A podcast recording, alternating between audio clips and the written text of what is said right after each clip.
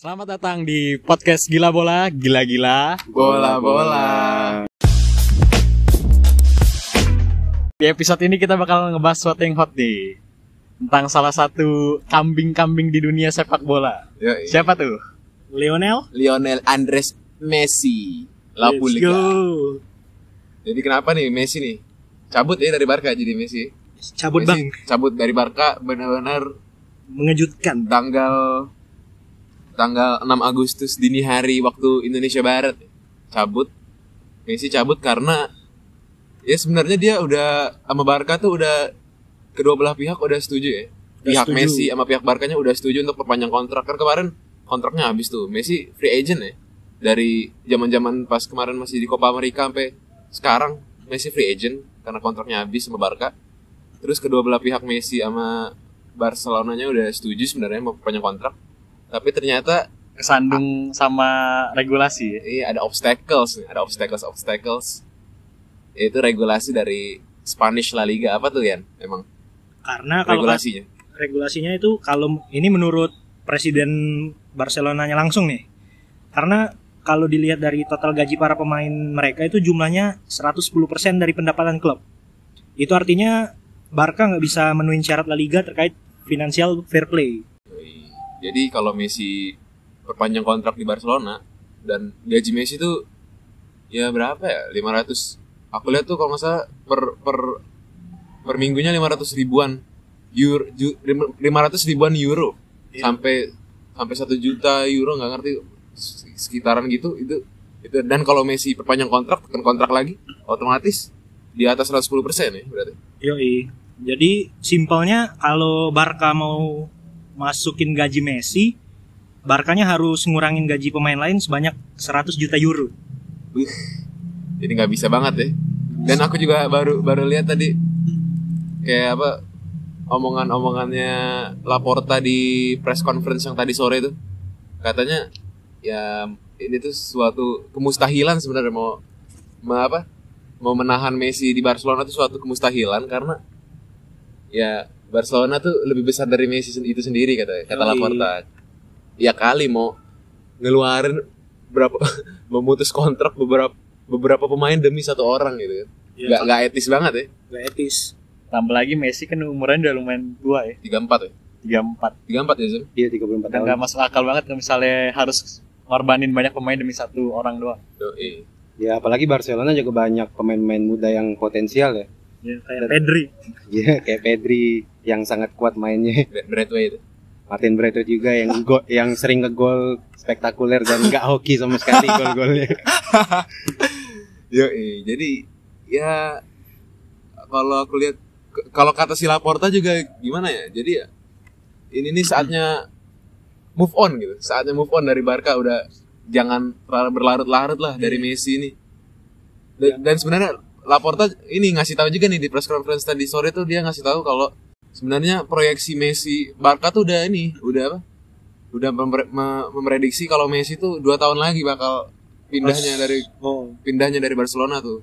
Udah apa new kan di sekarang Laporta nih kan kayak apa ya kayak program kerja dia tuh istilahnya kan program kerja dia di Barca tuh ju, taj- apa tajuknya tuh kayak Barcelona New Era gitu. Asik. nah nah dia tuh Laporta ini udah me- ini me- memproyeksikan banget. Kayak Barcelona New Era tuh udah mulai kan dari musim kemarin tuh yang dia juara CDR kan. Udah apa ya di caption caption IG-nya pas mereka juara tuh kayak first title in Barcelona New Era gitu-gitu kan. Udah udah pede ya. udah ini udah emang udah udah jalan kayak programnya tuh kayak ya kayak program kerjanya gitu deh. Tapi Barcelona ngasih tahu eh Barcelona lagi Laporta ngasih tahu kalau sebenarnya Barcelona New Era nih bakal ada bakal ada tahap selanjutnya itu. Barcelona New Era post Lionel Messi gitu. Di di proyeksinya padahal dua musim lagi gitu. Eh tahunya sekarang gitu. Tiba-tiba gitu. Terpukul banget sih pastinya kayak Barca dan seisinya itu semua jajaran pemainnya juga. Sebenarnya proyek untuk Laporta ke depannya untuk Barca sebenarnya bagus. nih. bagus banget. Jadi dia tuh pengen Barca itu bener-bener jadi kesatuan sebuah tim yang nggak terlalu tergantung sama satu pemain yaitu Lionel Messi itu sendiri. Iya. Apalagi kita juga semua tahu kan Lionel Messi sering banget nggak carry Barca. Sampai bisa dibilang ya Messi lebih besar dari Barca sendiri. Sampai Barca ngikutin keinginannya. Udah terasa presiden jadi rasanya. Iya. kalau kata Laporta nih, aku baca ya. Eh, sebenarnya ada suatu apa ya, satu kemungkinan bisa untuk ngatasin masalah financial fair, fair play-nya. Tapi Barca harus nge- ngegadai hak siar televisi selama 50 tahun ke depan. Wow, wow, wow. Itu berarti Messi itu sangat-sangat gila ya. Fantastis banget nilainya. Tapi kalau kata Laporta sendiri sih sebenarnya La Liga tuh nggak terlalu salah ya. Yang salah itu sebenarnya presiden sebelumnya yang kerjanya sangat buruk ya. Kenapa tuh emang? Ya, Kebijakan sebelumnya apa tuh yang bikin eh, nggak bisa lanjut?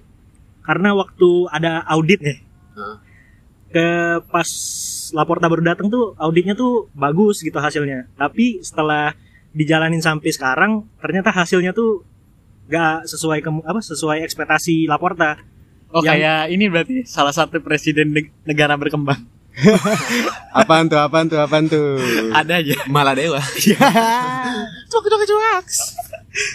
Jadi itu semua mungkin kejadian yang Barca sekarang ini gara-gara presiden sebelumnya si Nobita ya, si Bartomeu ya, si Josep Maria Bartomeu. Nobita Nobi. Nobita Nobi temannya Doraemon. oke dari pembahasan kita kalau kita move on nih klub selanjutnya yang bagi Messi yang sangat cocok apa ya Kalau dari segi finansial, yang paling kelihatan tuh ya paling pertama PSG, kedua City, ketiga Chelsea paling Chelsea, keempat ya MU paling. Kalau aku lihat-lihat nih kalau kalau aku malah lihat di apa ya di di mana tuh? tadi siang aku ngeliat kayak ada dibuatin sama media mana gitu, media besar lupa aku namanya.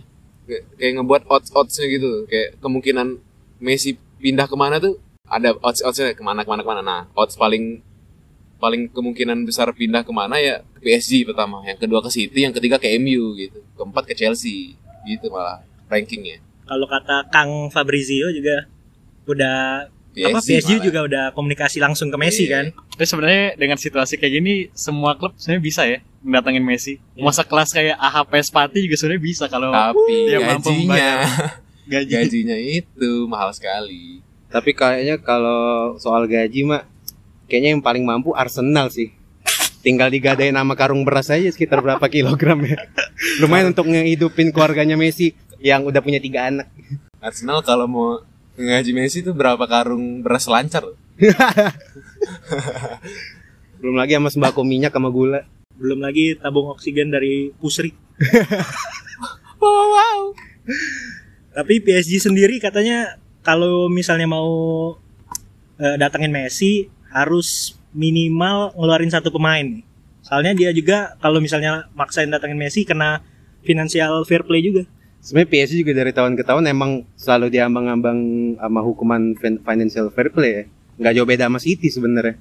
Iya. Cuma City lawyernya kuat banget pengacaranya. Tapi tapi kalau misalkan PSG nggak jadi ya City dong berarti kedua. Tapi City baru aja ngedatangin Jack fucking Grealish kalau kata yang Coach harganya Justin, 100 juta. kalau kata coach Justin apa Skillful but no vision. Ya, komen yang berhasil bikin Gary Lineker kebakaran jenggot katanya. Padahal cuma nge-reply doang aja. Cuma nge cuma nge-reply another expert gitu aja dia ngomongnya kebakaran jenggot. Shout out ke coach Justin Laksana, coach yang nggak nge-coach. Bangsat. Ya, jadi ya gimana ya kalau PSG, PSG jadi kemungkinan besar bisa apa enggak sih? bisa kurang- tapi Mbappe ke Madrid ya bisa tapi Mbappe-nya ke Madrid. Bener bener tapi Ya, dengan bantuan Allah ya Tapi kalau soalnya kalau kalau Mbappe, Messi, Neymar dan gitu-gitu di PSG barengan kayaknya financial fair play ya harus. Apa bisa-bisa aja? Aku nggak tahu soal. Eh, kalau aku baca sih pilihannya kan tadi minimal satu pemain ya. Itu bisa juga bukan Mbappe tapi kayak Nava, Sergio Rico. Oh, itu yang yang nggak nggak harus yang bintang. ya nggak harus yang intinya yang nilainya lumayan besar lah penjualannya. Lumayan. Ya. Tapi kalau misalnya Mbappe sampai ke Madrid berarti pukulan telak ya buat Barca. Udah kehilangan Messi. Ya, eh udah kelar Messi. Saingannya di El Clasico siapa pemain bintang? Vinicius Junior. Bukan bukan si Barkanya. Si Bar- Martin Martin, Martin Braithwaite. Lord tercinta Barca ya. Ya kita Tapi saksiin sebenarnya aja kalau sih. kalau di kalau kita bicara bicara apa ya? Bicara objektif ya. Tanpa ngelihat hype-nya Messi sebesar apa di Barca ya. Sebenarnya pemain Barca tuh nyadar nggak sih kalian kalau pemain Barca tuh masih yang sisa sisa, pemain Barca sekarang ini semuanya bin- hampir bintang-bintang semua gitu.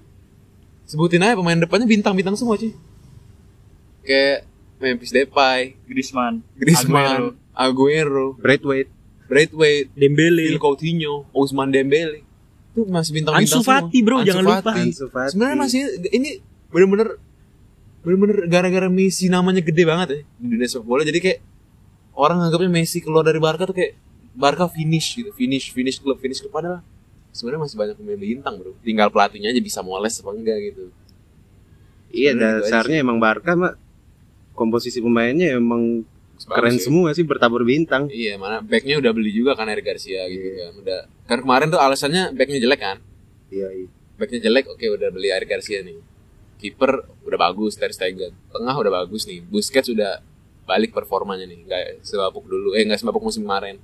Jadi alasannya nggak ada lagi sebenarnya fans Barca. Jangan aja nanti alasannya nggak ada Messi. Mau sampai kapan nggak apa nggak bisa move on Ya, tapi kalau soal defense juga ya kayaknya dengan ada Eric Garcia bakal terobati sih masalah defense Barca. Soalnya kan Eric Garcia mantep banget dengan City main terus kemarin kan. Nggak, nggak. Iya, bro. sebenarnya nggak main terus sama City, tapi Eric Garcia menjadi salah satu pilihan utama Luis Enrique di Euro ya, Yo, main terus. Ya udah mungkin segitu aja dari episode kali ini.